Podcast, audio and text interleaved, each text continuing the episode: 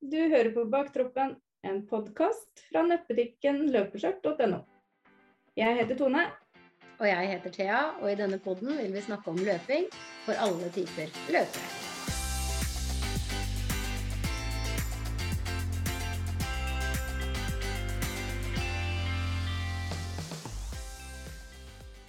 Hei, Jannike.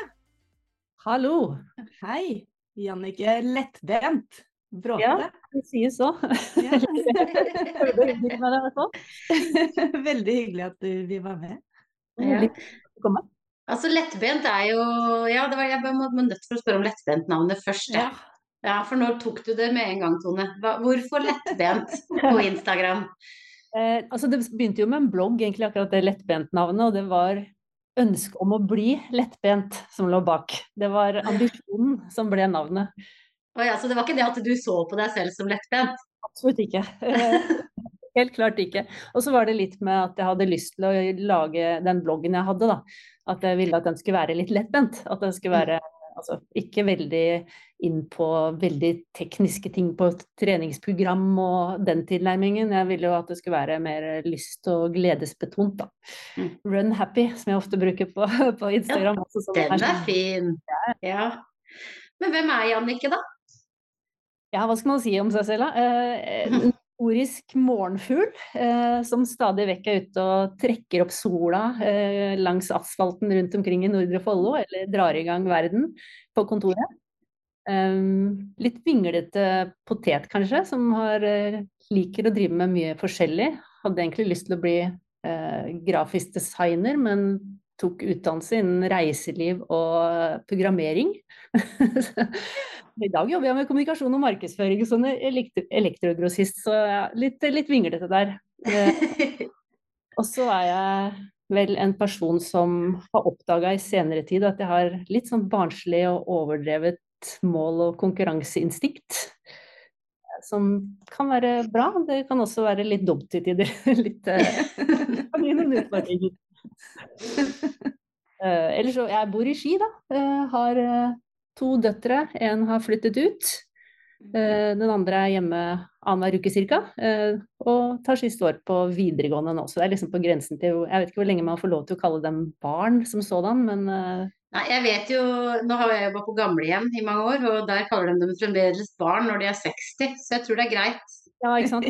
Man, man, man har vel kommet dit at man ser at de kommer for alltid til å være barn. Ja, det er helt riktig. ja, og hvordan starta din løpekarriere da, Jannicke?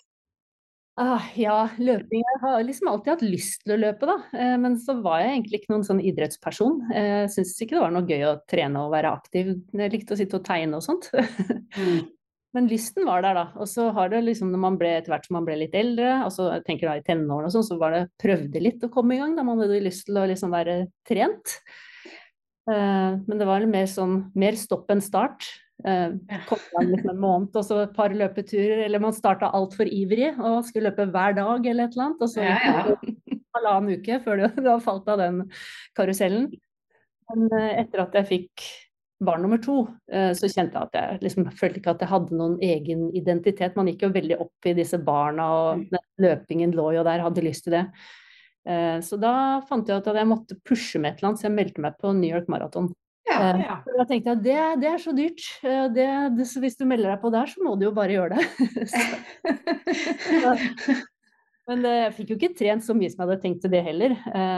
Så, men jeg kom meg gjennom det, og det var jo en Det er jo starten, jeg vil jo si det. Men det tok enda noen år før jeg vil kalle meg en løper, da. Men du sier at maraton i New York, det var starten? Altså, jeg, for, det var for å, jeg meldte meg på for å komme i gang, for da måtte jeg føle liksom presset, da. Og så sa jeg det jo til folk rundt meg at jeg har meldt meg på der, så da måtte jeg jo liksom fullføre. Jeg kunne ikke trekke meg fra det. Nei, hvor lang tid var det fra påmelding til eh, startskuddet? Eh, Det var vel ca. et år, tenker jeg. At jeg Ja, så du hadde et år på noe sånt noe. Ja. Du går rett på maraton når du Så jeg hadde jo det deltatt i et og annet løp, men det var jo bare fordi liksom Ja. sånn Men da var det jo ti kilometer, fem kilometer. Mm, Liksom. ja. Faren min har alltid løpt, og moren min også var jo ute og løp, så jeg hadde jo sett at det var en ting å gjøre. Det kan gjøres, liksom. Men det er litt viktig, for New York er jo det som alle her inne har sagt er bucket Altså de som ikke allerede har gjort det, da. De har sagt at det er bucketlisten, liksom. Og så kommer du og bare Nei, så starta jeg da med New York Marathon. Men det var jo, det var jo bucketlist, ikke sant. For én gang i Ja. livet har løpt et maraton, da. Eh, Det var, ja, hvis jeg, og hvis jeg kunne gjøre det, da måtte jeg jo liksom komme i gang med løping, trodde jeg. Men det, det ble jo ikke helt sånn. Jeg fikk Altså det var jo en helt vanvittig opplevelse, men jeg gikk jo tom før halvmaraton. Eh, Så det var jo et Ja. Eh, Og jeg, etterpå så løp jeg vel ikke på nesten et halvt år, tror jeg. I hvert fall flere måneder hvor jeg ikke løp i hele tatt. For det var bare Det var så vondt. Ja. Men så har jeg, det er et eller annet med hodet mitt da, som bare etter en da de månedene gikk, så jeg hadde jo fortsatt lyst til å komme i gang med løping, og da var det bare Ja, må vel kanskje jeg skal ha fem maraton før jeg blir 40, da. det Hvor lenge siden er dette her? altså det var eh, New York var i 2007. Ja. Så da hadde jeg noen år på meg. Da var det sånn at jeg kunne løpe ett maraton i året for å klare fem før 40. Som liksom ble en sånn Jeg syns hørtes Det klang litt bra, da. Så Mm. hvorfor ikke? Du syns den første var forferdelig, så hvorfor ikke fire til? Let's do it again. Eh, Så, men så ble det litt, det tok litt tid å komme i gang, så jeg tror nummer to ble vel først i 2011. Og da ble det Berlin, da. For da hadde jeg funnet ut at det var noen sånne store som hadde vært gøy å ta. Mm. Mm. Det er World Marathon Majors. Ja, det var ikke de til å begynne med, men plutselig så når jeg oppdaget de, så jeg, for jeg hadde med Paris, men jeg fant de Ja. i, i World Marathon Majors, så tenkte jeg ja, da her er det jo et konsept, liksom. Det var jo ikke det Mm. sånn som i dag. Det var jo eh, ikke så mange sånn mosjonister som egentlig gjorde det, men jeg så at du kunne få en diplom som var signert av alle løpslederne. Da var det jo fem Ja, ja. stykker da, på den tiden, nå er det jo seks stykker, men uh, da kunne du få et diplom da, signert av løpslederne hvis du hadde løpt alle sammen, og det, altså, jeg vet ikke hvorfor det virker kjempefint, liksom, men det, det holder for meg. Men nå er det vel medalje på Er ikke det en egen Ja. medalje? Den kom et halvt år etter at jeg hadde gjort den siste av de, eh, men jeg jeg fikk den tilsendt, Å ja, du gjorde det, ja. så jeg har den. Den er, henger pent på veggen. Og da kan du fortelle hva Vi har jo vært inne på det litt før, men hva, om, hva, hva er det for noe? The World. Eh, Ja. Det er, I dag er det seks løp i en serie som opprinnelig var for eliten. Eh, men det var fem, da, eh, når jeg kasta meg ut på det. Eh, Tokyo kom til senere. Men egentlig så var det da for eliten og noen noe konkurranse rundt det. Men så ble det jo adoptert, adoptert litt av mosjonister. Mm. Eh, flere enn meg, liksom, som syntes at dette var litt kult. Eh, og nå er det jo det som er litt synd med, at det har blitt så stort at det blir jo helt håpløst å få plass der. Sånn som Tokyo før de var med som World Marathon Major, var jo ikke noe problem å melde seg på. Etterpå så er det jo flere års ventetid for å komme, og du må da reise med reiseoperatør. Er vanskelig å få plass direkte hos arrangøren. Mm. Hvem andre er det som er med i det? det er, eh, hvem, hvem løp er det som er det? Det er New York, Chicago og Boston i USA, og så er det Berlin og London og Tokyo. Ja, ok. Så det er litt reisevei, da, for å få en ekstra medalje. Ja, eh, For, eh, ikke helt bærekraftig kanskje, men eh, det er jo fine destinasjoner, så man kan jo kombinere det med litt ferie eller et eller annet, da. Mm, Mm. ikke sant.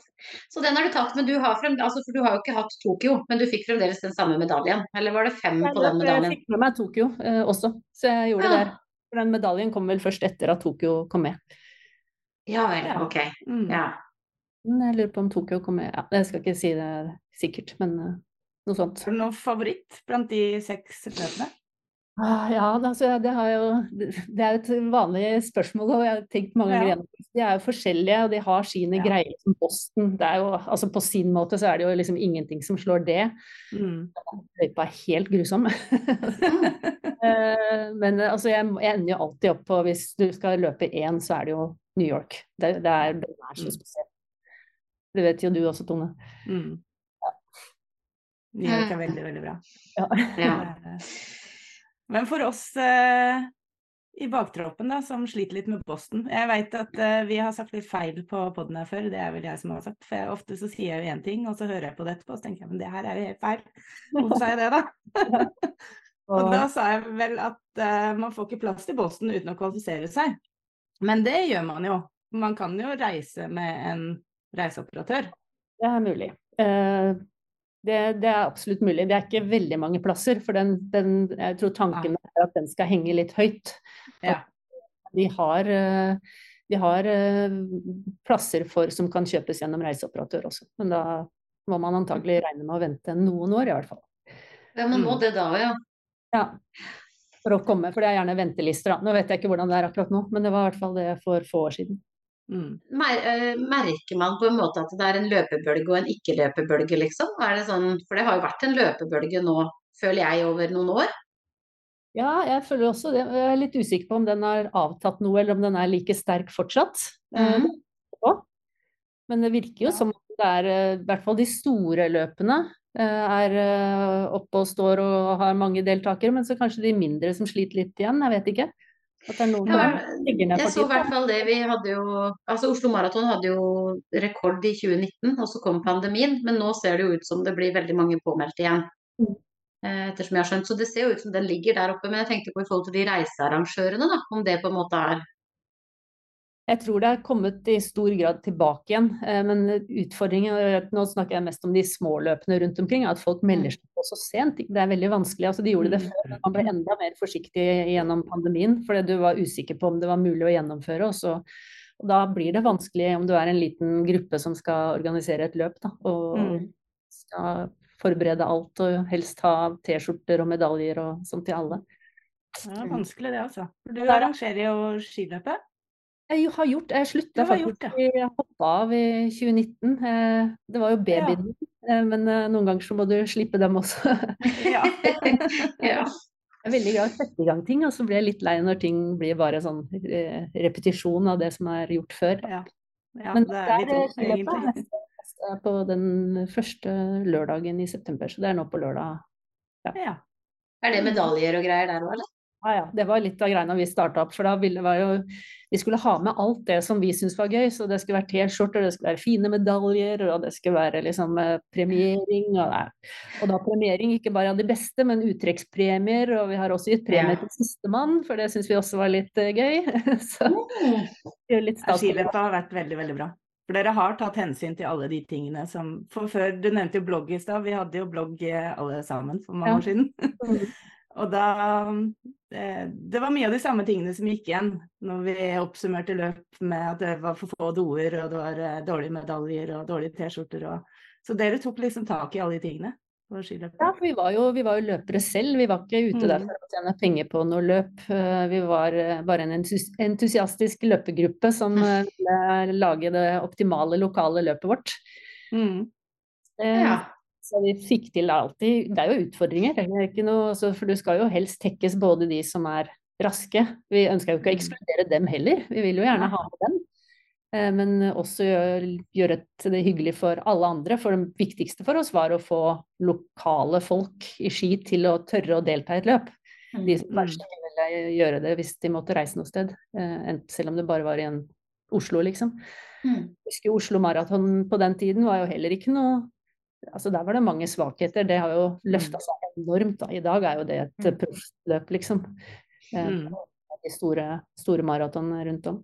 Ja, det har det helt klart. For det er eh, Det skjedde noe rundt sånn, jeg vet ikke, 2013, 2014, 2015, en eller annen plass der med veldig mange løp. jeg husker jeg faktisk var inne, og ble invitert inn til dem, for jeg hadde et blogginnlegg hvor jeg kritiserte. Ja. det husker jeg. invitert til dem hvor de ville ha mine råd, eller mine tanker da, om hvordan de mm. kunne bli bedre. Eh, så jeg, løp, jeg løp en maraton der i 2012, for det var vel da den femte før 40. Eh, og hadde jo da bare løpt store løp i utlandet, og det falt jo helt igjennom sånn organisasjonsmessig mm. Og i, som maratonløpet fikk du vel samme medalje, og det var ikke noe mat eller noe sånt, noe næring når du kom i mål. Det var liksom masse, mange ting, mm. pluss at publikum er jo Det er jo ikke så lett for dem å gjøre noe med, da. Men uh, det er jo en helt annen opplevelse å løpe gjennom de stille gatene som da i hvert fall var i Oslo. Jeg tror det har blitt litt bedre, det også. Uh, ja, jeg løp også maraton der i 2012, så det, ja, det var jo stille da, ja. Men med det sagt så har de jo bytta Det er ikke de samme folka som arrangerer lenger. De har jo bytta hele Det har skjedd masse der. Ja, så det har skjedd veldig mye. Det, så de har blitt mye bedre enn de var, altså. Men uh, det var jo ikke bra, nei. nei jeg, skal ikke si, jeg skal ikke si så mye på det, for jeg er jo liksom Men jeg må bare si at uh, startnummer Nei da. Det funker gull, altså. Ja. Den er det du som har ansvaret for, er det sånn? Ja. det går på skinner! det er viktig, altså det er, det er, Man kan se på det som sånn bagatell i det hele, men det er kjempeviktig at, man liksom, at det mm. håndteres. At det blir en god opplevelse på alt, allerede derfra. Da. Ja da, det er jo noe med det. Mm, det, det. Eh, men altså selvfølgelig, selv om man er inne i det sjøl, så ser man jo hva man ville gjort sjøl. Ja. Skjønner du? Ja, det er jo klart det. Hadde, hadde man, men igjen, da hadde man hatt mye penger, hadde man hatt mye ditt, hadde man hatt mye datt, så kunne jo ting sikkert vært annerledes overalt, på en måte. Mm. På alle løp. Mm. Jeg tror ja. nok det er viktig at de som arrangerer løp, at de er med på en del løp sjøl. Ja. Og det, det, også begynte vel Oslo Maraton med på et eller annet tidspunkt for noen år siden, jeg tror jeg, at de dro litt på ekskursjon, på en måte, til Göteborgsvarv og og En ting er å dra på ekskursjon, men du bør også være med da i løpet. Ja, for å i løpet. Mm, det bør man. Ikke bare se hvordan de organiserer, men faktisk delta i det. Mm. Og ja, gjerne litt uh, på flere nivå. Eller at uh, de har noen bak og noen foran. Og, eller foran, det spørs jo hva man får til. Men uh, Litt her og litt der. Vi må ha noen som vinner, og så må vi ha noen som ikke vinner. Altså. På vinneropplevelsen, liksom. Ja. Du skal gå over målet først og få den derre Hvordan opplever du det, hvordan var det? Ikke sant? Jeg syns dere setter høye krav til løpsarrangører nå. Høye krav, Du skal vinne Boston Marathon. Var det jo en fyr som gjorde det, eller han gjorde jo ikke det, da. Men han, eh, et av de årene jeg har løpt der, så var det Det har vel skjedd flere ganger rundt omkring, men en fyr som la seg i tet og lå der i de jeg vet ikke, første minuttet eller noe sånt, bare for å komme på TV. ja, det så jeg på London nå, faktisk. Nå ja, sist. Ja. Han bare han yeah, jeg leder London Marathon i 30 sekunder, men det holder. ja, men da har man jo leda. Ja, ja. Eh, ja, men eh, så da har du kutta ut det skiløpet i hvert fall, men det består ennå? Ja da, det arrangeres fortsatt. Eh, mange av de som var med da, som fortsatt er med. Hva er det som gjør at Og det, nå er det bare sånt tankespørsmål. Hvorfor er alle løp i september? Altså man må finne noen, Det er veldig vanskelig. Jeg husker jeg vi jobba med å finne dato der. og Det, det vil ikke krasje med Oslo eh, maraton. Eh, og så var det KK-mila som eh, gikk rundt de tider, men de gikk ja, ikke Ja, den er jo nå, den òg. Ja, den flytta etter at vi hadde ja, eh, mm. så, Vi hadde vel hatt ett år, så flytta de til samme dato også. Men, så man vil jo prøve å unngå det som de løpene, i hvert fall i nærmeste omgivelser, er. Mm. Og så mm. på sommeren er det liksom Da har jo folk ferie, og man ønsker ikke å Nei, det er mange sånne ting man måtte se på. Og Det er faktisk en del løp rundt omkring, altså. Det er veldig mye løp rundt omkring. Mm. Ja, så det, nå, altså nå, må man jo bare velge og vrake, liksom. Så jeg ser bare det at det er jo masse man går glipp av som man kunne tenkt seg, da. Absolutt. Mm. Mm. Altså det blir en kabal å bare finne ut hvor den passer inn. Mm. I tillegg til at den må passe med de som skal arrangere det, selvfølgelig. Ja, det er det òg. Ja. Det må jo det. Mm. Så Nei da, og KK-Mille har jo goodiebag så det holder. De jo, jeg skjønner ikke hvordan de får det til. Ja, men Der fikk vi faktisk første året, vi fikk med oss mye. Der vi, fikk vi høre at vi var best på goodiebags. Ja. ja. hadde veldig mye bra i de posene, og så har det blitt litt tynnere etter hvert, har jeg sett. Men, eh, mm. men eh, nei, det er å snakke med, og kanskje lokalt også, for en sånn liten lokal gruppe som eh, gjør dette bare fordi de syns det er gøy, så var det mm. mange som ville putte noe oppi de posene der, altså. Og få den mm. Og vi syns jo goodiebag er gøy. Ja, altså, goodiebag er Ja, vi skal innrømme Henger medaljene dine på veggen, Jannike? Det skal jeg love deg. Mm. det vil si maratonmedaljene henger på veggen. De andre, jeg har spart på de andre opp, men eh, de, det, er liksom, det er mye fin bling altså, i de medaljene der. Så jeg har en sånn medaljehenger til de uh, World Marathon Majors-medaljene. Og så har jeg måttet lage en sånn egen konstruksjon, for det ble noen medaljer etter hvert. da, Så jeg har en sånn spesialløsning på resten. Men det henger på, på soverommet mitt hjemme. Ja. ja. Hvor, hvor, mange maraton har du løpt egentlig nå? Uh, maraton eller lenger, som jeg kaller det. da. Ja, eller lenger. ja. Det har jeg 55. Hæ? 55, ja. Oi. Det var 50 mer enn meg. 50 mer enn målet ditt? Eller på ja. før 40? Ja, ja. Nei, det dro på litt etter jeg, jeg vet ikke hva som skjedde. Det er et eller annet som klikka til når jeg endelig kom i gang med denne løpingen. Da. Så ble det en Ja, det ble de fem før 40, og så ble det vel 40 før 45 eller noe sånt. Altså, ja. Jeg kanskje blir litt vel innbitt på ting når jeg bestemmer meg for noe. Men er du med på løp ennå, liksom? Er du på en måte ja, nå har jeg ikke løpt Jeg løp Berlin i fjor, så da fikk jeg meg igjen da. Men eh, jeg har slitt litt med skader da, eh, etter hvert. Noen mener det kan ha med at jeg har løpt litt mye, litt hardt. Litt 55 maraton er jo Ja. Og litt glad i asfalt i tillegg, jeg vet ikke om det også. Men eh, så det har blitt litt tynnere. Jeg hadde jo sånn syv-åtte maraton i år en periode der, og så ja. og var jeg glad for å få til én i fjor. Og så har jeg fortsatt litt lyst til å få til én i år, jeg har ikke gjort det ennå. Um, jeg skal løpe halvmaraton neste helg, da. Så jeg, og så løper jeg en ti kilometersløp for et par uker siden også. Så, ja, hvor er det du skal løpe neste helg, da? I Tallinn. ja. Du liker utenlandsløp? Ja, det er litt uh, Jeg syns det er litt ekstra. Det er gøy å løpe i Norge og ulike løp i Norge også. Jeg er ikke så glad, og kanskje litt fordi jeg har vært uh, skada og ikke er i den formen. Jeg kommer jo i OK form etter hvert, så man, eh, jeg klarer ikke å slå de tidene som jeg har hatt, og da må man omstille seg litt. Da. Hva, er det man mm. løper for? Eh, det aller viktigste er jo bare å kunne løpe. Altså de morgenturene ut til soloppgang alene i åkerla, mellom åkrene i Nordre Follo, liksom. Det, det, er ganske magisk. Men, eh, men, å delta i løp når jeg kombinerer med reise, kan oppleve ting, se ting, på tur med venner nå, hun som jeg skal reise med til Tallinn nå, hun har jeg jo løpt mye sammen med. så Det, det er en stund siden vi gjorde noe sånt sammen, så det, det blir veldig veldig gøy. Gjerne bestemt da en sen kveld etter litt vin og sånn, så bare sitter vi og inn på et eller annet. Og så kan vi angre eller ikke angre neste morgen. Jo, man er aldri så sprek som etter et par glass vin, liksom. Og da kan man utrette alt. Men hva er det mest eksotiske eller spesielle stedet du har løpt? For du har jo, du har jo jobba hos en reisearrangør også, du har jo fått vært på veldig mye i tillegg til egne reiser.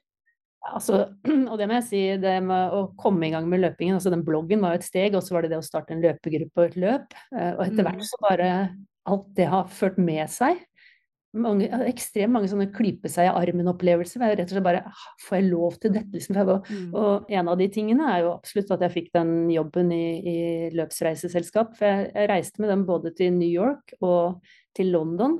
Og tenkte bare fy søren, de er heldige, de som jobber her. Å få mm. være med på dette her. Og så av masse merkelige tilfeldigheter og ting, så plutselig får jeg jobb, være liksom det norske kontoret for dette mm. reiseselskapet, som er svensk, da. Er du det enda? Nei, det er uh, slutta der for, i 2018. Uh, så er det siden. Da, jeg kalte det jobby, altså det kombinerer jobb og hobby. Og det er uh, kjempefint, men du kan jo ta litt gleden fra det som faktisk er hobbyen din også.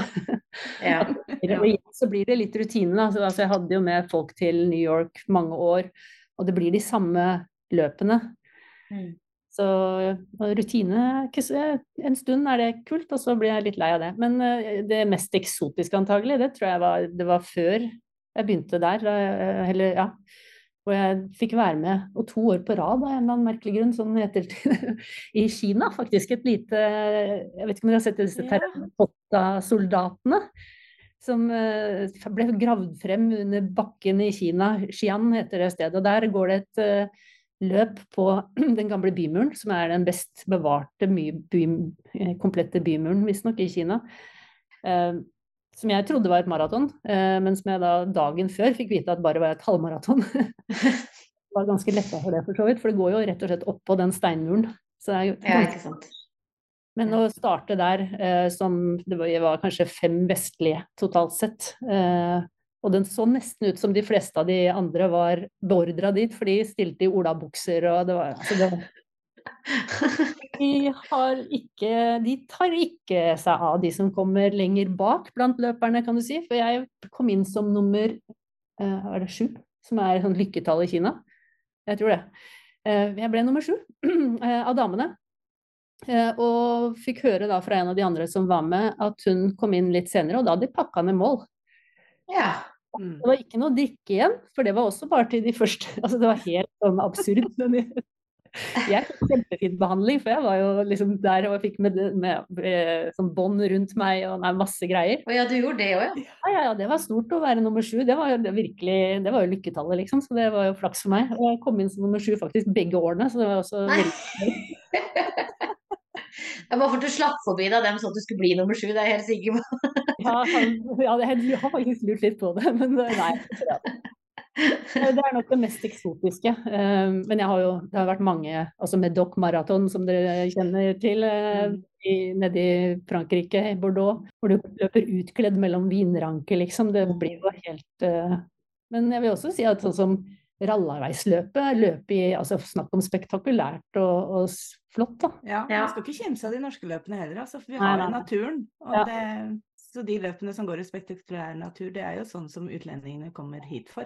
Midnight Sun Marathon i Tromsø. Ja, Mm, det. Er jo faktisk midnattssol også, pluss regnbue. Altså det, fikk, det var bonusen, liksom. Ja. Det kommer i mål, det er jo helt uh, Ja. Men du, du har jo sikkert, altså det er jo det mest eksotiske, men du har jo sikkert noen beste og verste løpsopplevelser, på en måte. Ja, det er mange av begge, egentlig. Altså, jeg, på maraton jeg skjønner ikke hvordan jeg fortsetter å melde. Jeg tror jeg legger opp nesten hvert eneste løp jeg løper. Det er jo bare vondt. Men eh, løpsopplevelser på ja, beste eller verste um, På det verste så har jeg tenkt på sånne treningsturer. Kan jo være vel så ille som å delta i løp Mm. også. Jeg husker det var en gang jeg hadde eh, var på et arrangement, og så hadde vi hotellet et stykke unna og lot bilen stå, da. Så ja, det var 25 km jeg kunne løpe og hente den neste morgen. Det var jo greit. Ja. Men det det var jo en hyggelig, hyggelig kveld, og så neste morgen så jeg våkner jo grytidlig, da, så man er jo, kjenner jo litt ekstra. Eh, mm. jeg måtte jo hente denne bilen. og det var varmt, og så har jeg veldig dårlig retningssans. Så jeg feil gang på gang på gang. For dette var jo et sted jeg ikke var kjent i det hele tatt, så det ble jo over tre mil. Å, og det var jo ingenting som var oppe. Jeg fikk ikke tatt noe drikke. Og nei, bare, det husker jeg som en av, de, en av de verre løpeturene. Men det ble jo en god historie etterpå. da. Jeg har ledd mye av det. stedet. Ja, og så er det så deilig at det er en For jeg har jo vært og fiska litt på folk at det skal ikke bare være løp i løps... Altså skjønner du, sånn Ja, ja. offisielle løpsting. Men det er veldig fint at folk har treningsturer som også bare sånn Faen, i dag funka det ikke, og det blir alt gikk feil. Og det gjør det jo noen ganger. Og det, altså jeg vil jo si at veldig mange løpeturer man tar, er det er ikke, det er ikke sånn at man syns det er gøy og lett og godt alltid. Nei, vi har jo noen eksempler på det, Tone, som alt bare er dritt. Var det ikke det du sa den Ja. ene gangen? Jo, jeg vet ikke hvor mange ganger jeg sa dritt i den episoden. Det var ganske mange. Det var dritt, og det var dritt, og det var dritt. Det var sånn Ja, kanskje du skal begynne å sykle? Men nå husker jeg jo ikke engang hva det var. Så Nei. så det var jo dritt bare der og da. Men eh, Ja, ja. ja, det skjer på vanlige løpeturer òg, ja. Og det gjør det. Men den beste, da? Ja, nei, nesten vil si det samme der også. Der, de der, og det at jeg er det morgenmennesket jeg er. Så at jeg får de soloppgangene. Å være ute da i naturen, eh, selv om det er på asfalt. Som jeg, mellom naturen, da. Eh, så, og med soloppgang og alt er stille. Og jeg bare tenker at jeg er den eneste her som nyter For du er jo ganske alene på den tiden. Eh, og at, hva folk går glipp av. Det blir jo nesten sånn euforisk følelse. Det er ikke det at det bør være runners high, det kan godt kjennes tungt allikevel, men jeg elsker jo de turene. Mm. Men eh, ja, bare kjenne at det funker, liksom. Men eh, løpsmessig så er det Jeg har jo løpt fortere etterpå, har sikkert hatt det lettere, men jeg tror eh, Berlin i 2013 er det liksom, Hvis noen spør meg om ett løp, liksom den aller beste opplevelsen, så er det Berlin 2013 som var jeg hadde, Etter at jeg løp i New York, og det, var etter, så begynte det å bli noe tidsmål også. Da. Og det var første gang på, da, på det syvende forsøket at jeg kom under tre timer og 30 minutter. Ja. Og det å klare det da, eh, å være der med venner og familie Jeg husker jeg løp i kjole. ja. Det husker jeg. Jeg var jo også i Berlin da. Yes. Jeg, har det, jeg tror det er et av de villeste sånn målgangsbildene. De tar jo veldig kule bilder ved målgang der med Brandenburg Tor i bakgrunnen. Og jeg kommer, jeg, tror, jeg husker ikke om jeg ser for meg at jeg har armene i været, det er ikke sikkert jeg har det, men helt sånn gal i ansiktet og håret i alle kanter. Og bare jubler, for jeg skjønner at nå, dette, nå kommer det til å gå, liksom. Og, ja, det, Og i løpekjole. Det var eh, Jeg sto jo og så på. ja, Og det var ganske kult når du kom løpende forbi. Løp forbi menn og alt som var ja, ja, i en rosa løpekjole. Jeg fikk jo høre også, jeg husker jeg løp forbi faren min, som jo løp der. og så Han hadde starta før meg, og så passerer jeg han eh, rundt det var vel rundt 30, litt over 30 km. Og jeg så han eh, og løper opp til han, og han snur seg og ser jeg komme. Og jeg lurte på når du skulle komme, sier han. Og jeg bare roper ut, jeg, for han sendte meg 'du må bare løpe', liksom. For jeg hadde tenkt å prate litt med han, men han bare løp. Og så roper jeg tilbake 'jeg løper mitt livsmaraton'. jeg var glad for at jeg sa det på norsk, at alle andre var tyske. Men rett etter det så ble det også var det en fyr som kom, eh, som jeg løp uh, ved siden av litt, og han sier til meg på et eller annet på tysk da, som jeg ikke skjønte, liksom, eh, sorry. Han bare You have by far the greatest outfit here today. da ble jeg enda gladere. Så det var, nei, det var bare en opptur liksom fra Og det, selvfølgelig så ble det tungt de siste kilometerne, og det var ja. Men, men fyff, Ja. Det var, eh, og den feiringen sammen med både mange venner som var der og Nei, det var Ja, nei, den, den opplevelsen tror jeg aldri jeg får igjen noen gang. Men nå måtte jo jeg inn på instaen din og se, da, for jeg tenkte det må jo ligge et bilde her fra den rosa kjolen. Men ja. Eh, gjør, det, gjør, det det, eller gjør det ikke det? Det gjør det, men det er vel langt tilbake, da. Det er nok langt tilbake. 2013, liksom. litt... Jeg har nok noen på løpeskjørt òg, men det er også langt tilbake. Jeg ser jo at du både har Bislett 24 i beina og har du det? Nei, 50 km i Bislett, på Bislett. Ja, 50, ja, ikke sant. Mm. Du har jo vært innom veldig mye rart. Ja, det har prøvd litt. Har vært ja. Gått litt ut av komfortsonen et par ganger. Men du elsker jo å løpe i, skjørt. Nå må vi jo Tone er jo frøken løpeskjørt her, så hva er det som Tone kom meg litt i forkjøpet, egentlig. For jeg, jeg ble glad i skjørt tidlig. Eh, og sånn opprinnelig så var det vel litt for at jeg var ikke komfortabel med tights. Syns det var greit å skjule rumpa litt. Det var jo litt sånn løpetøy og litt sånn. Jeg har kommet et stykke etter det. Men, eh, men jeg syns skjørt var både litt sånn for å skjule seg litt, eh, men også litt kult og litt ulikt meg, som ikke egentlig var noe glad i å stikke meg frem. Det, for det var litt annerledes, det var ingen som løp med skjørt, egentlig. Jeg fikk tak i et Nike løpeskjørt hvilket år det var, men det var veldig lenge siden. Kanskje 2011 eller noe sånt. Og da tenkte jeg at Ja, det var nok før det. Hmm? Det var nok før det. Ja, det var før det også. Mm.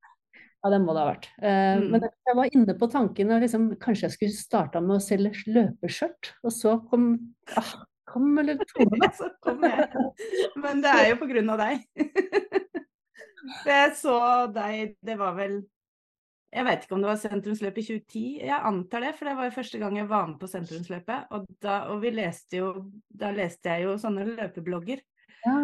Og da hadde du på deg løpeskjørt.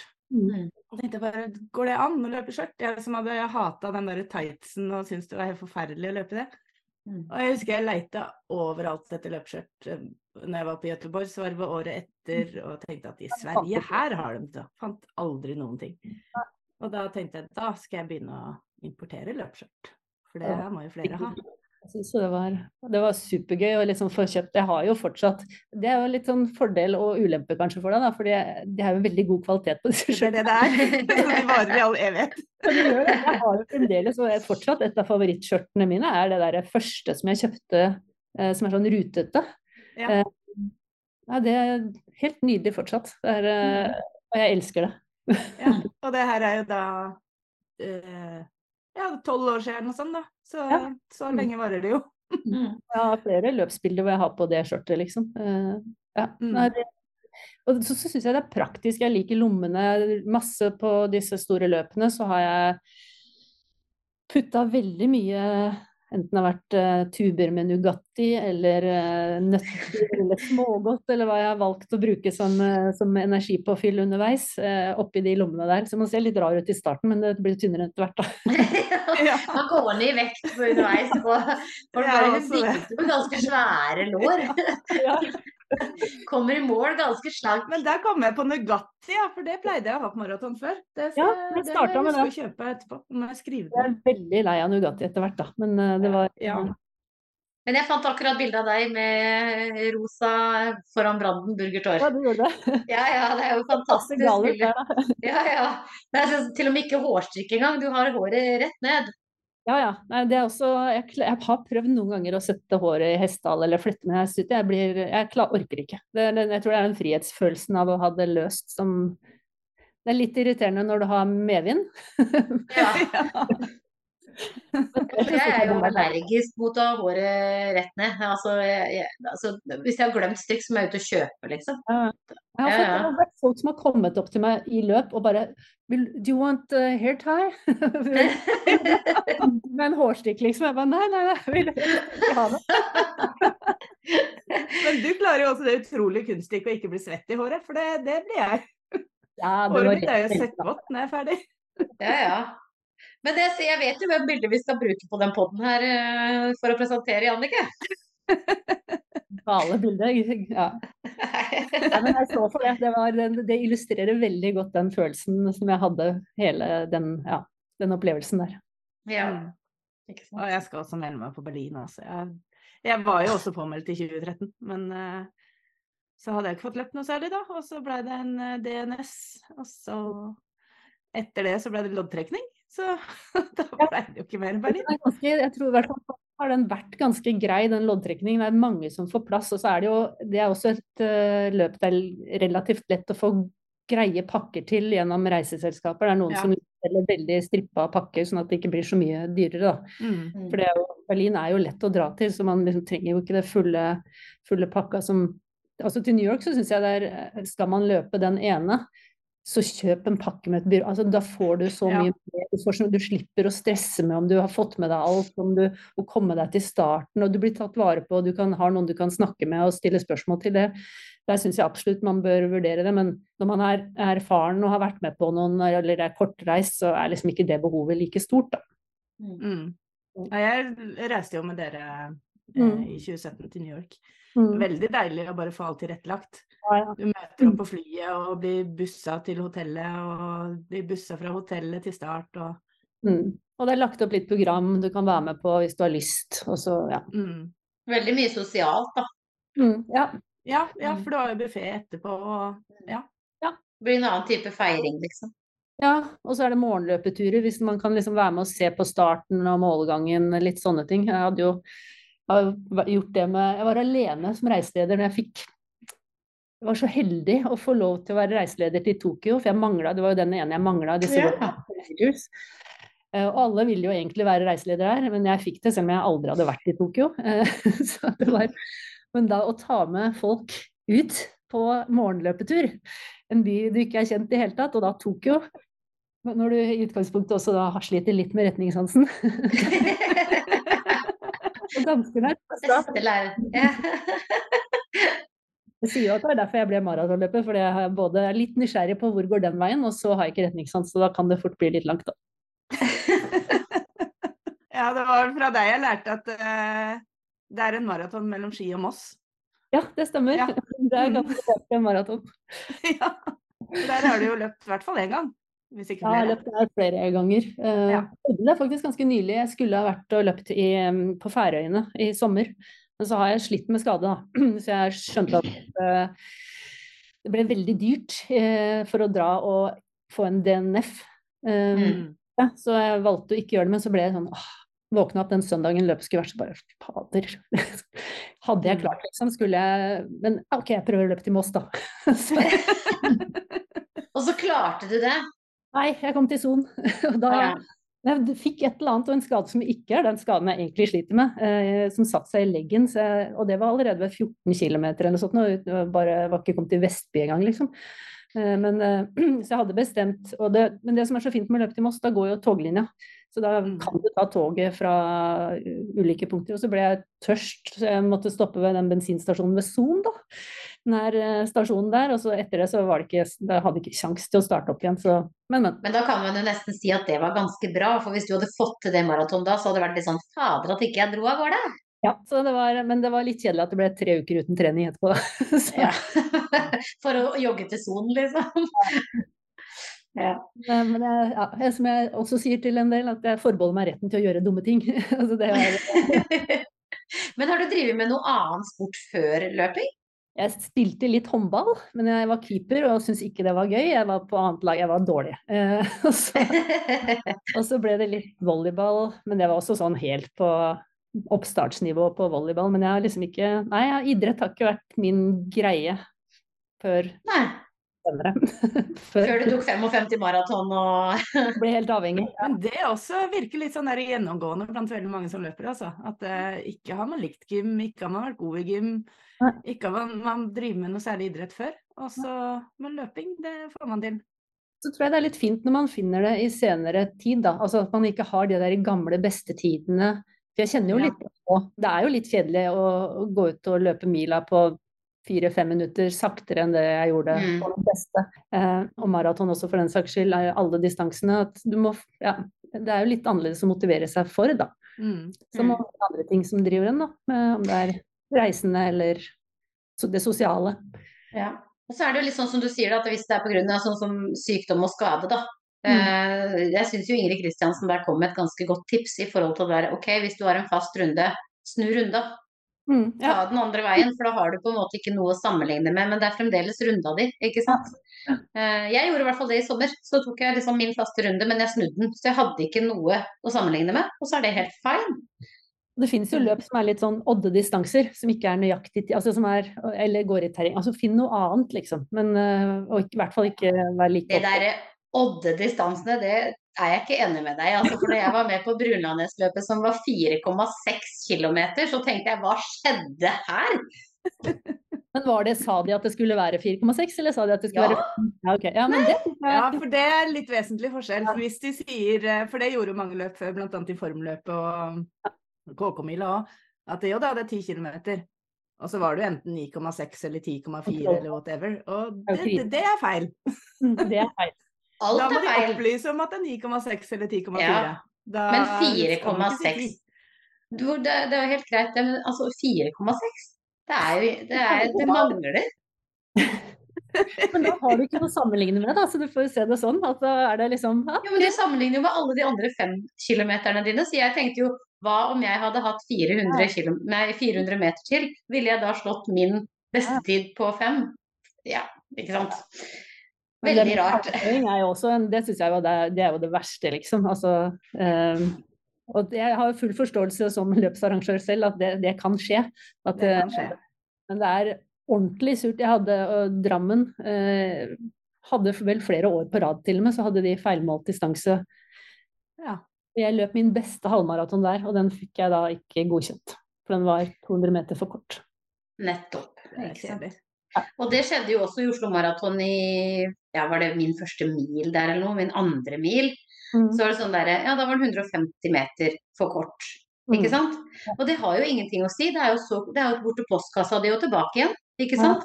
Men mm. der og da, det ble jo ramaskritt. Det sto jo i avisene at. Eh, Oslo Maraton var 150 meter for kort, liksom.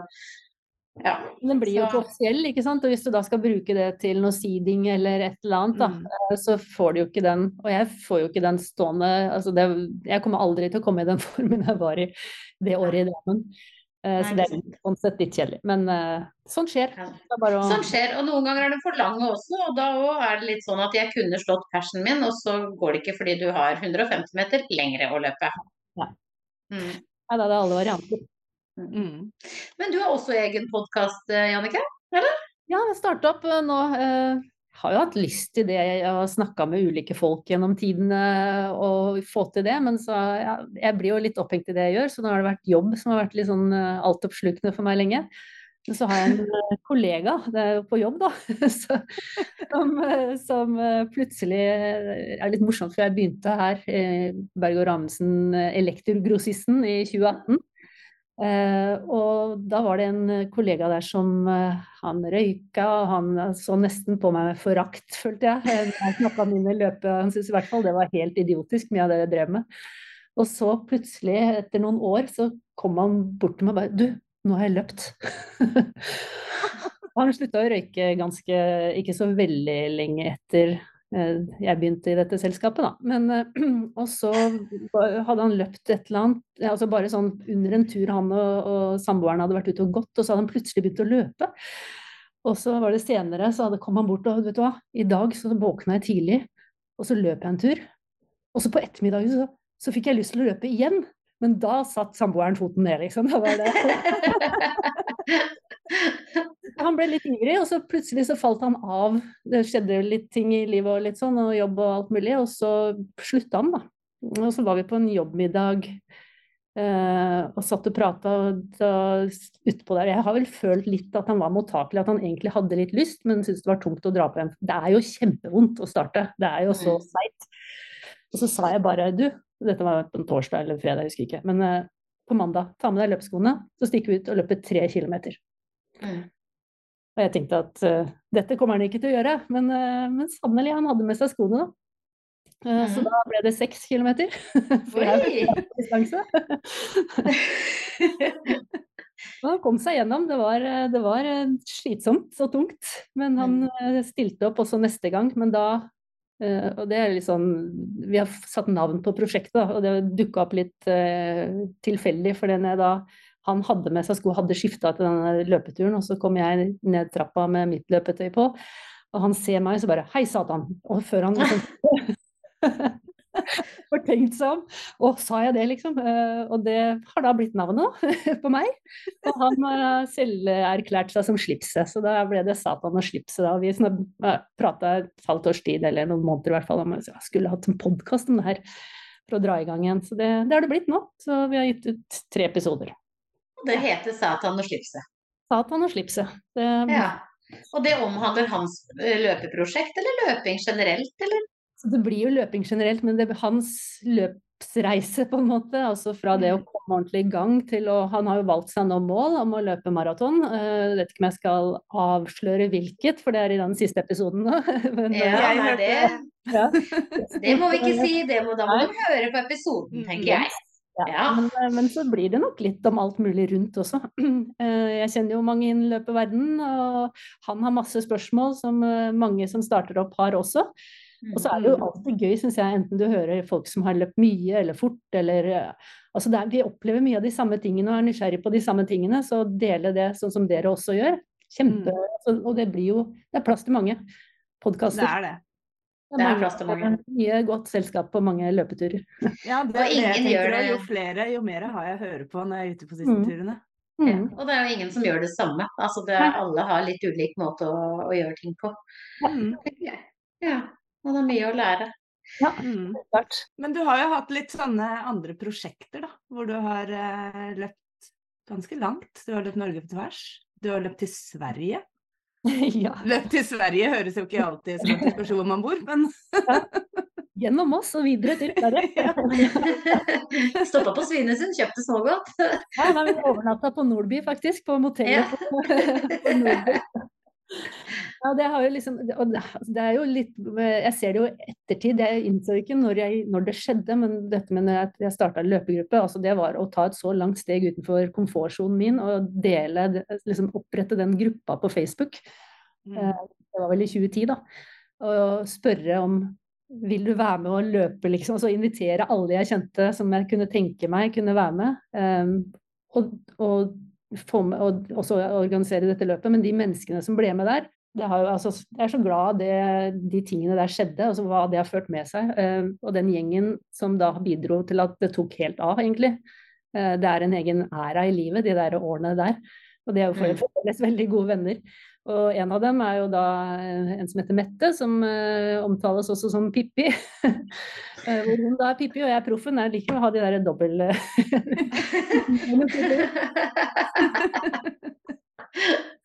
Hun er veldig sånn happy go lucky, og hun kanskje har ikke trent i det hele tatt, og så hopper hun på et ultraløp, liksom. Og har ikke noen ambisjoner nødvendigvis om noe tid, eller hun bare gjør det fordi hun kan. Det er der Pippi er. Er det mulig? Eh, og så meg som da prøvde etter hvert å bli litt mer strukturert. Jeg er jo gladløper jeg også, men jeg har, fulgt en del programmer og villet bli raskere, liksom. Har virkelig jobba for å bli bedre. Men vi to sammen, som egentlig er veldig forskjellige, har jo hatt mange morsomme eventyr. Bl.a. dette med å løpe til Sverige, som Tone snakker om. Vi, startet, vi, vi hadde ikke gjort noe sånt i det hele tatt. Så vi bare skal vi prøve å løpe? For hun hadde landsted litt utenfor Rese da, i Sverige. Så skal vi prøve å løpe dit, eller? Ja, ja. Så da starta vi da, og det var jo 150 km vel på 48 timer. Vi fordelt opp først i Moss, overnatta der. Jeg var innom Tone, hilste på. Fikk, jeg har noen bilder hvor vi ler oss halvt i hjel der òg. og videre til Nordby neste dag. Det var syv mil. Uh, og så siste resten var da fire mil ca. den siste biten. Ja. Hva er det lengste du har løpt i ett strekke? Uten overnatting? Uten, ja, det tror jeg er den dagen, faktisk. De syv milene. Uh, og der, der, er vi såpass ulike at da, etter dag én så bestemte vi at vi løper ikke sammen. Vi hadde møteplassen i sammen, men fordi vi var enige om at vi skulle gå bakkene, men det viste seg at vi var ikke enige om hva en bakke var. Hun ble stressa av meg, og jeg ble stressa av henne fordi jeg ville videre. Jeg litt, ja. så, men, men, vi har gjort uh, mye morsomt sammen, da. Og det, ja. så, og det hender jeg skal til Tallinn med nå også uh, neste helg, så det er veldig gøy. Men så hadde jeg også en sånn Jeg syns den derre eventyret, den ekspedisjonsbiten av det, var så utrolig kul. Altså, jeg, hadde lyst, jeg hadde en sånn liten drøm om å løpe Norge på langs. Men plutselig så fikk jeg en uh, messenger, jeg husker jeg satt igjen da med et glass vin, høres ut som den drankeren her. Men på en fredagskveld alene hjemme, og liksom holdt på, og så kommer det en melding inn da, fra en kompis som liksom uh, Hva tror du om å løpe Norge på tvers? Og jeg sa, uh, ja, det tror jeg. Så vi endte opp med å være tre stykker. da, Denne Jon som sendte den meldingen, og en som heter Kim, og jeg, som da planla et års tid eh, før vi da brukte sommerferien på å løpe tvers over Norge. Så det var vel 660 km på tre uker, da. Og fra ja. og alt bare for å være ute og rene egotrippen på tvers av Norge. Men, eh, Men følte dere da den offisielle Norge på, på tvers, eller nei? Han, Jon han lagde en, eh, en, veldig fin løype for oss. Han mm. var veldig glad, Jeg er jo asfaltløper, han liker å løpe mer variert og veldig opp i, i fint terreng. Og han la løypa Nei, det var, det var, en så utrolig fin løype som han hadde lagt opp. Mm. Og så hadde han også Vi fikk jo markedsført det her, vi fikk snakka om det litt, så vi hadde jo masse sånn vi kalte Road Angels. Så vi fikk overnatte hos folk. Vi hadde, bar jo med oss det vi skulle ha med oss. Eh, så vi hadde jo fem kilo på ryggen hele veien også. Eh, men det var folk ute og sto klar med mat til oss, eller bare sånn overraskende sto med godis til oss, eller Nei, det var den opplevelsen eh, av den turen der. Og da komme ut til slutt ved Utvær fyr i, på, i, helt i vest, og fikk vi være fyrvoktere en natt alene utpå der. Ja, det var ja, det er et eventyr altså, som man tar med seg. Det er sånt som kommer til å snakkes om på gamlehjemmet når jeg kommer dit. Eller jeg kommer til å snakke. Ja. ja. Satser på at du husker det, da. Hvor starta dere det løpet? Når dere løp på tvers? Starta ved svenskegrensen ved Trysil, da. Ja. Trysilelva Elva camping eh, overnatta vi først i en sånn liten hytte. Ikke, vi kjente jo ikke hverandre kjempegodt, da, så det var veldig, veldig spesielt. Og da, jeg og disse to kara da, inn i en sånn liten, bitte liten hytte med to køyesenger. men, eh, men, man blir kjent. man blir, ja. blir godt kjent. Kommer tett på hverandre. Men nå har du jo, som du sier, vært litt skada, og du har ikke så mange løp på programmet nå, liksom. Uh, altså, hvordan går det, holdt jeg på å si? Hvordan føler du deg? Mentalt? ja. Nei, det er jo det. Jeg syns det, det, er tungt. Eller tungt, jeg skal ikke si det nå. Nå funker det ganske bra. Eh, men det er nok en kronisk skade den jeg har. Eh, så jeg tar alt litt sånn dag for dag. Men det er når du har liksom plutselig En ting er at jeg selv eh, identifisere meg som en løper. Men alle andre rundt meg er, ser meg jo som en løper også, så det er jo vanskelig å mm. komme fra. Da. Eh, så det har vært tidvis litt sånn Hva skal jeg gjøre nå? Eh, men så har jeg begynt å sykle litt. Jeg må prøve å finne noe alternativ. Jeg har jo blitt avhengig av treningen. Eh, så jeg klarer jo ikke å ikke gjøre noen ting. Så sykling er ikke det samme, men det kan være ganske fint, det også.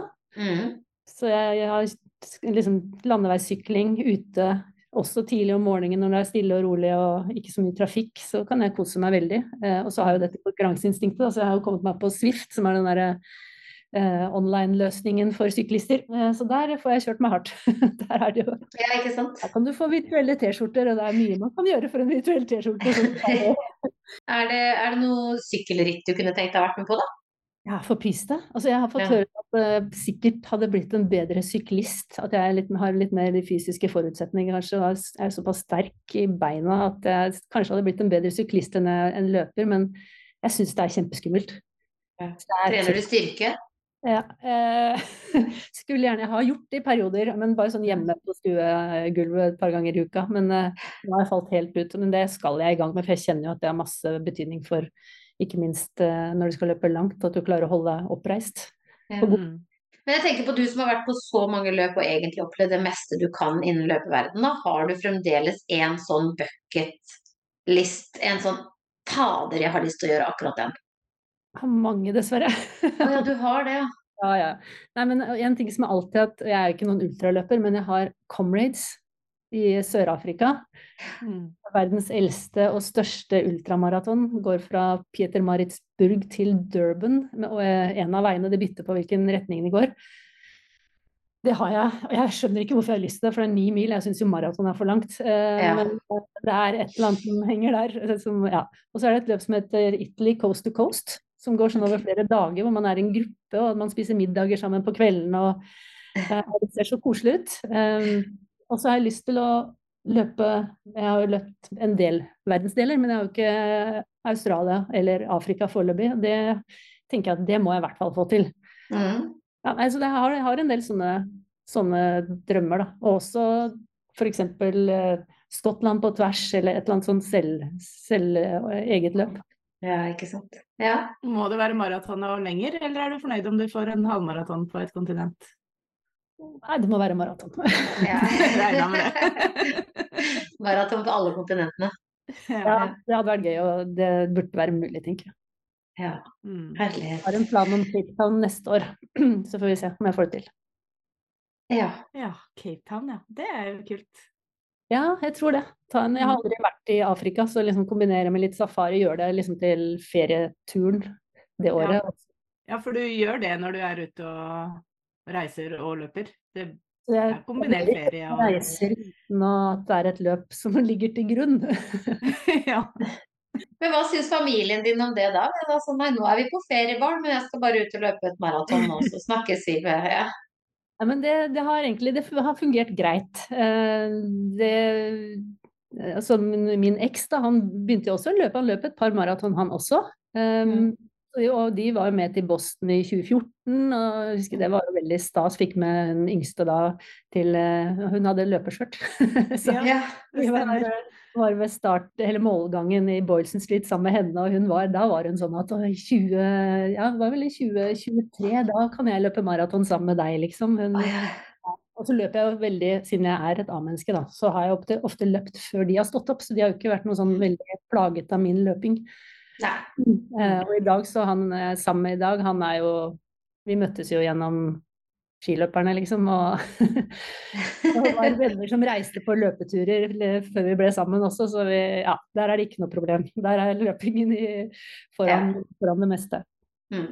Ja, da får du får til å trene løping fremdeles. Det har variert. En av de første turene vi var på, han og jeg sammen, det, da var vi faktisk i Los Angeles. Vi skulle løpe LA maraton, for det hadde jeg hørt at var så kult.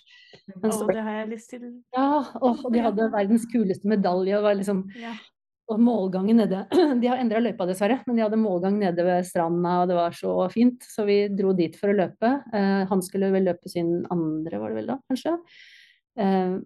Og så ble jeg skada, så jeg kunne ikke løpe. Så jeg sto faktisk Og det å være der da, på den løpsdagen mm.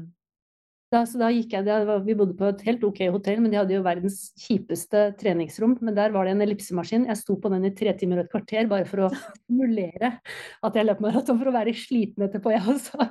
Nei, nei, nei, nei. Ja, men det kanskje ikke mitt stolteste, stolteste øyeblikk, men Noe må man gjøre. Det er kjipt, altså. Man, ja, det er skikkelig kjipt. Ja. Eh, men eh, ja, jeg har brukt lipse når det har vært nødvendig. Og jeg, jeg veldig liker å gå i fjell, og jeg kan godt tenke meg at det kan bli en greie også. Vandringsturer, så lenge det mm. fungerer. Og det gjør det mm. foreløpig, da. Ja, hvor finner vi podkasten din, Jannicke? Hvem, hvem plattformer er den på? Den ligger der du hører på podkaster, altså på Spotify og Apple og Google. Eh, så ja. vi har fått på de kanalene. Så der, ja. Det er fullt mulig å høre. og vi har Foreløpig så er det ganske korte episoder, sånn rundt 20 minutter. Eh, vi vil jo prøve å finne en form foreløpig, og så tenker vi å ha med gjester etter hvert, så da blir det nok lenger. Jeg syns jo det er bra når podkastepisoder er så lange at de holder en løpetur. Ja, det er jeg enig i. Mm, ikke... Da slipper jeg å måtte bytte, eller slipper å Ja, kanskje har jeg ikke vært helt forberedt. Jeg har lagt til en ny liste, eller For det, det somler jeg med. Da må jeg stoppe, da. Ja, det er nødt Vi får bli litt lenger etter hvert. Ja, jeg er litt mer kravstor, for jeg er ikke så glad i å fly. Så jeg pleier å laste ned episoder. Så kan godt lage dem sånn tre timer ish, så kan jeg høre på. Det er veldig greit når det bare går og går og går og går. Og så har jeg et selskap. Bortsett fra den gangen jeg hørte på Vår med med Heidi. For da ble jeg så oppslukt i alt hun sa at jeg løp meg bort. ja, det er jo ikke bra man kan glemme seg litt, liksom. Det, for det, ja, for det er jo faktisk den lengste vi har hatt. Mm. Eh, men hun er så Heidi er jo fantastisk til å formidle, så jeg jo, for da var jeg ute og gikk tur, husker jeg. Og det var mm. sånn, turen blei jo bare lengre og lengre og lengre, ikke sant. Og så begynte det å regne, men jeg bare jeg er jo ikke ferdig. Jeg er ikke ferdig med å høre om djevelen inni hodet til Heidi. Jeg er ikke liksom sånn derre Slutt, da! Slutt å regne! Den måtte jeg dele opp, da, faktisk. Men det nei, fantastisk hun, altså. Mm. Da, da, har det jo en positiv effekt, da, hvis det gjør at man faktisk fortsetter pga. at man vil høre videre. Mm. Ja da, det er jo sant. Men hva er det du pleier å høre på når du løper? Er det podkast, eller? Uh, ja, jeg hører mye på podkast, mye nyheter, og nå har det vært det har vært veldig mye jobb en del år. Så jeg går jo litt For jeg syns det er gøy, det jeg holder på med, da. Uh, så det har vært mye sånn bare å holde meg oppdatert på nyheter. Men jeg hører jo også på selvfølgelig på løpepodkaster uh, og musikk. Og så er det Altså løpeterapien syns jeg er aller best hvis jeg ikke har på noen ting. Ja. Det kan være litt tungt å komme i gang da. Men i det liksom etter hvert, da, så spesielt hvis jeg skal løpe litt lenger og bare så begynner tankene å sveve, og da går tiden veldig fort allikevel. Mm. Ja, for du har ikke den der tunge pusten, kanskje? ja, den kan jo bli litt gal av å høre lyden av føttene og sånt. ja, å nei, det er så flaut, syns jeg. For det er den der pustelyden Nei, jeg må ha lyd på ørene. Altså. Ja, nei, det er kanskje de mest roligere turene som jeg gjør det på. Ja.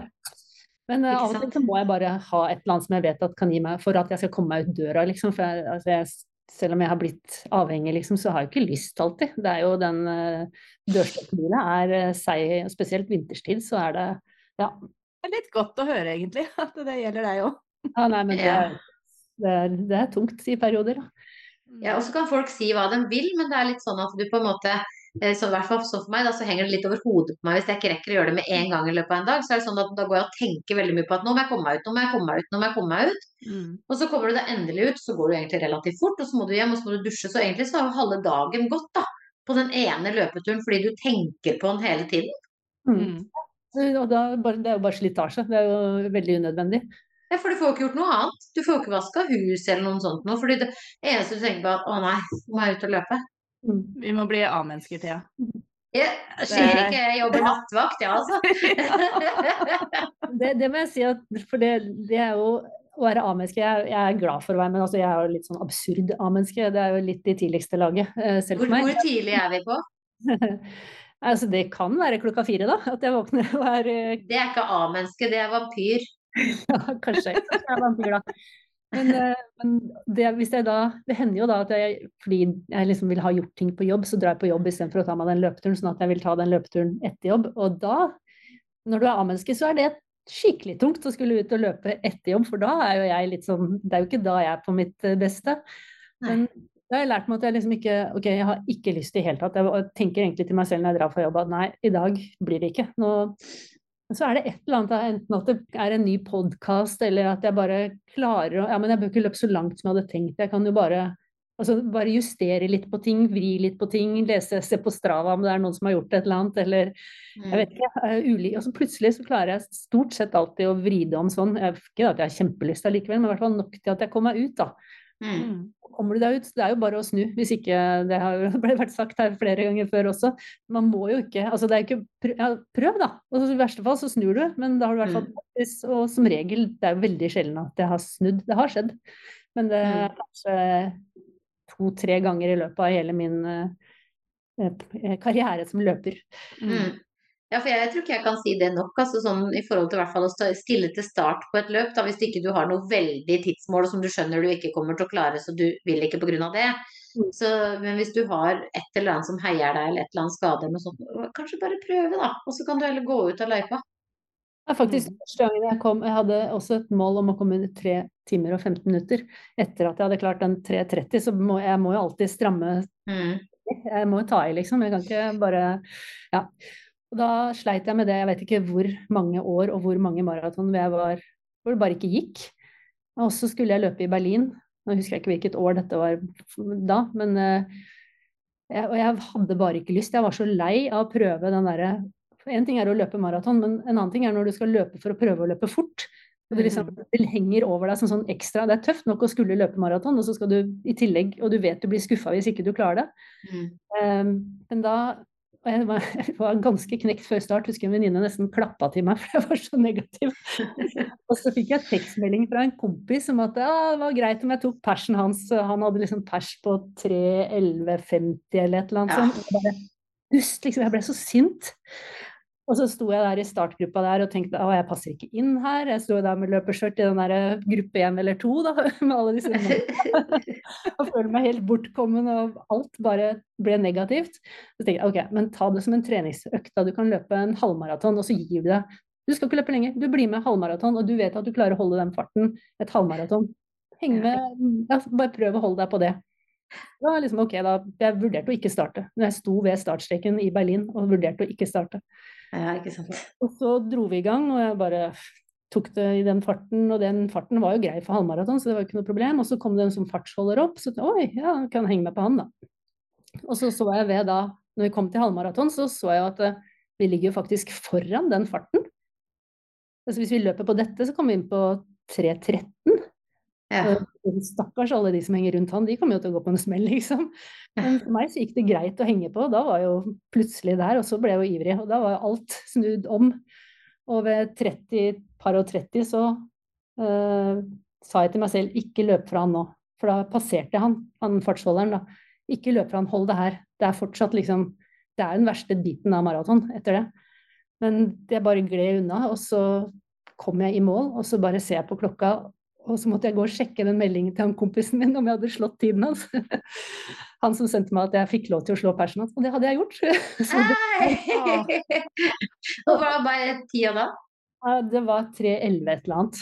Herregud. Ja, så, og det var, eh, så det var bare prøv. Altså, det, ja, det, var så nære at jeg ikke stilte i det løpet, eller at jeg ikke starta i hele tatt. Og så ble det endelig klarte jeg det der magiske målet som hadde hengt i så mange år. Mm. Kanskje det var det som gjorde det, at du senka. At jeg bare Kravene på en måte litt, for du tenkte at Eller ga deg litt sjøl frislipp. Ja, og det er det mange som har sagt også underveis. At eh, ikke se på klokka, prøv heller å løpe på følelse. Har du trent for den? Og det, jeg hadde jo på den tiden trent for en eller annen tid. Mm. Den ligger ganske naturlig. Som kanskje justerer i starten så du ikke løper for fort da, fram start. Men uh, Løp heller på følelse, ta kontroll på hver femte kilometer. Ikke sjekk hele tiden, for du blir jo helt gal. Og klokka mm. viser ikke alltid riktig heller. Så det kan hende at du passer opp og senker farten helt unødvendig, istedenfor å løpe jevnt og avslappa. Mm. Men det er ikke dumt å tenke, jeg gjør det stadig vekk, at jeg bare tenker at her er samme som å knyte på seg skoa hjemme og ut og trene. Ja. Det er ikke noe annerledes, liksom. Du bare løper en annen plass med litt flere folk. Ja, mm. Ja, det er, det er liksom, og hva betyr det til syvende og sist, liksom? Altså, man blir skuffa, og det er ingen andre som bryr seg i hele tatt heller. Ja, det er som du sier, hvor mange av de løpa husker du egentlig, og hvor mange av de folka rundt deg husker du egentlig? Ikke mm. sant? Ja, det er ingen som tenker det at oi, Thea gikk en del hun på det løpet der. Det Jeg har gått mye i mine løp også, så det er eh, ja. Men har du noe nytt mål nå, da? Sånn eh, tidsmål eller distanse, eller? Jeg har jo de gamle målene mine. Jeg begynner jo å tenke at det kanskje ikke kommer til å gå. Eh, de hårete målene mine som, eh, som står fortsatt. Jeg har aldri ja, det, ja. Jeg tror ikke jeg når dem, da, så jeg må nok revidere dem. Mm. Eh, både på mila og på, på maraton spesielt. da. Jeg hadde vært gøy å klare, men spesielt det maratonmålet er helt Det kommer ikke til å gå. Så jeg får finne på noe annet. Må finne noe annet som trigger. Mm. Ja. Det er alltid sin tid. Han blir jo voksen nå, så det er liksom Det mm. teller jo mot henne. Jeg husker både du og Stian hadde under 40 på mil, eller prøvde å komme under 40 på mila på hytteplammila. Jeg tror det er tre ganger eller noe sånt. Jeg tror hvert år så har dere bilde på samme sted. Og... har passert hverandre underveis. ja. Jeg kom aldri under 40, og det, det irriterer meg. Ikke han heller. Men jeg tror det året jeg løp i Drammen, hadde jeg løpt en 10 km da, så hadde jeg klart det. For jeg tror nesten jeg løp på første halvdel av det løpet. Men, mm. uh, men da løp jeg. Jeg syns jo ikke 10 km har vært så givende, da, som, som maraton. Altså, det er noe med den følelsen når du har løpt så langt og blitt så sliten. Mm. Endorfinen etterpå, at man mestra det, liksom, hva kroppen kan, liksom. Det er eh, og mulighet, Jeg syns det gir en sånn eh, feiringsrett etterpå. Mm, ja. Er, eh, det kan jo det på 10 km, men det er Ja, ja. Man kan, Nei, man kan det på det meste, men det er liksom som du sier, da, at det er, det er et eget folkeslag som løper maraton og lenger, lenger, på en måte. Ja. Og til dels også halvmaraton, for det også er jo langt. Så det er jo ja. Halvmaraton er Jeg vet ikke om det er verre enn både ti og hel. Dette blir sånn For ti er jo vondt, men det er ganske kort. Altså det er mm. relativt raskt, da. Mm. Halvmaraton, det er ganske langt, altså. Det er mm. ja. Og da skal du løpe sånn mellomfort, da. Nei, jeg vet ikke. Mm. Det er vondt alt sammen. Ja, det er generelt vondt å løpe. Ja, det er så gøy. kutter du ut. Men allikevel så er det gøy. Gi meg en medalje til slutt, så er jeg happy. Altså.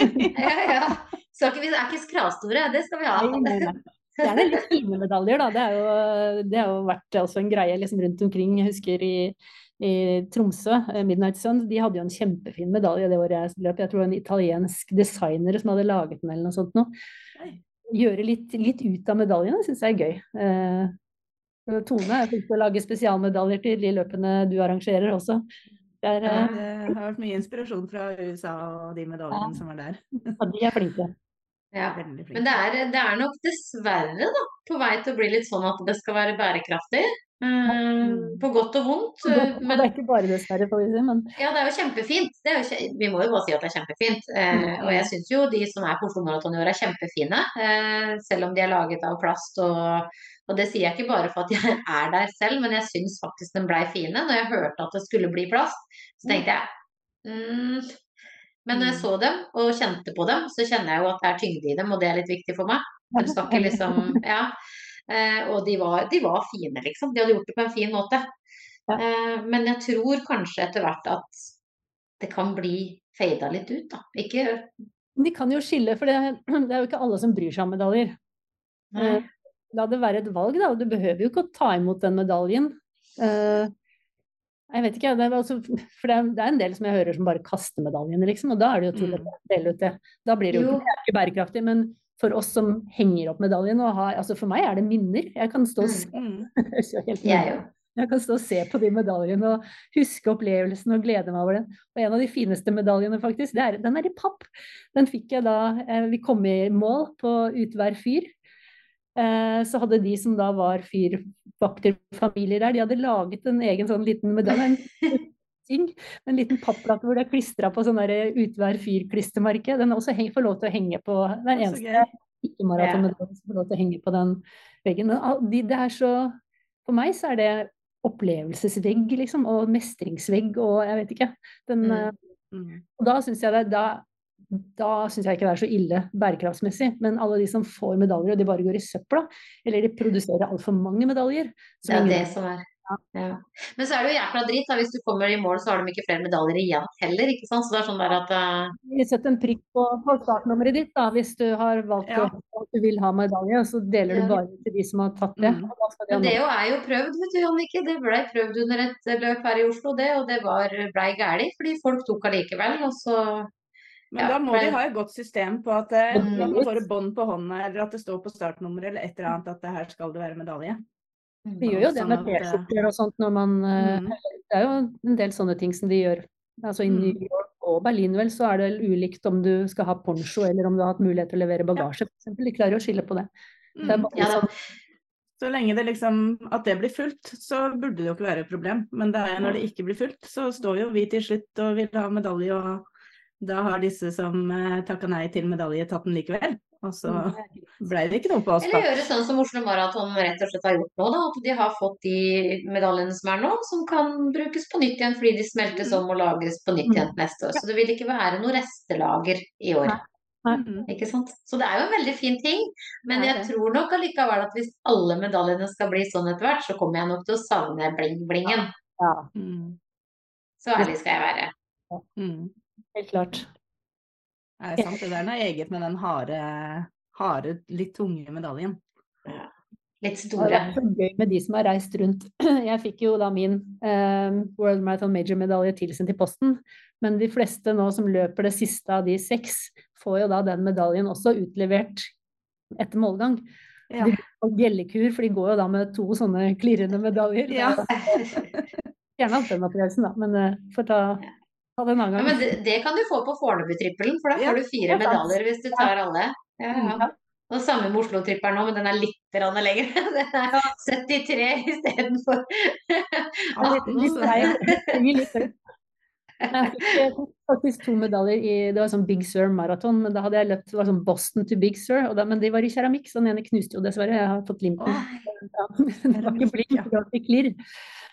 Nei da. Ja, for disse Disney-løpene er jo skikkelig medaljer. Og der er det jo også De har ordentlig opplegg. Det er løper man eh, ett i Disney World og ett i Disneyland, som er på hver sin kyst i California, da, så får du Coast to Coast i tillegg, hvis det er i samme år. Og løper du også i Paris, så får du Coast to Chateau. Så Nei, Castle to Chateau. Ja. Og så må du jo, du får det i Los Angeles også, du får følge opp på den uh, drømmen der, Tone. For da får du også, kan du være med på 5K-løp dagen før maraton, og så får du da selve ja, det så jeg. og double. Og jeg tror du kan til og med ta noe mer. Sånn at du får ja.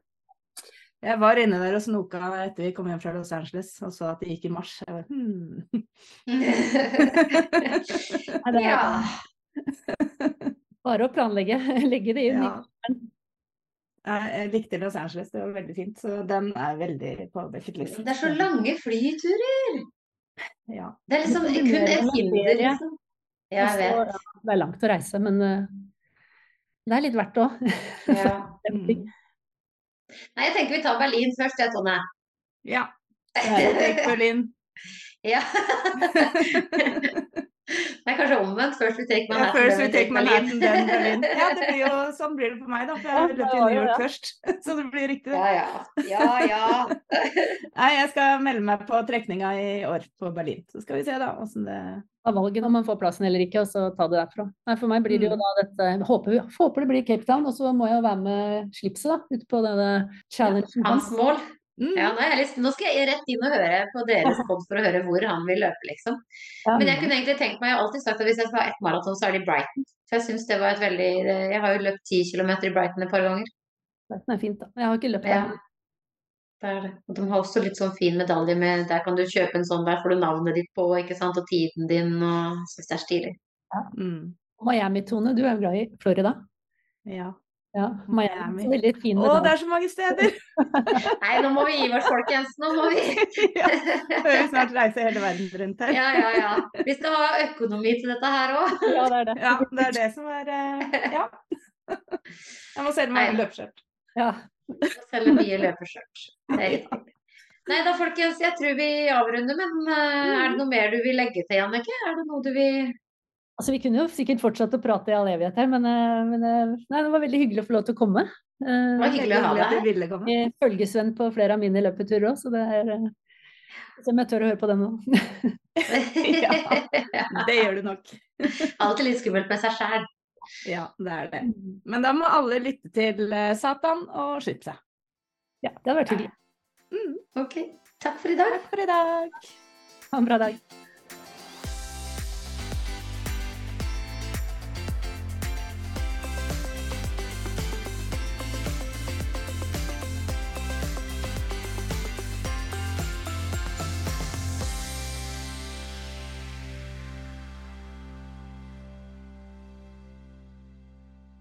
Du har nå hørt en episode av podkasten Baktroppen fra nettbutikken løpskjørt.no med Tone Nordung Pettersen og Thea Stenersen.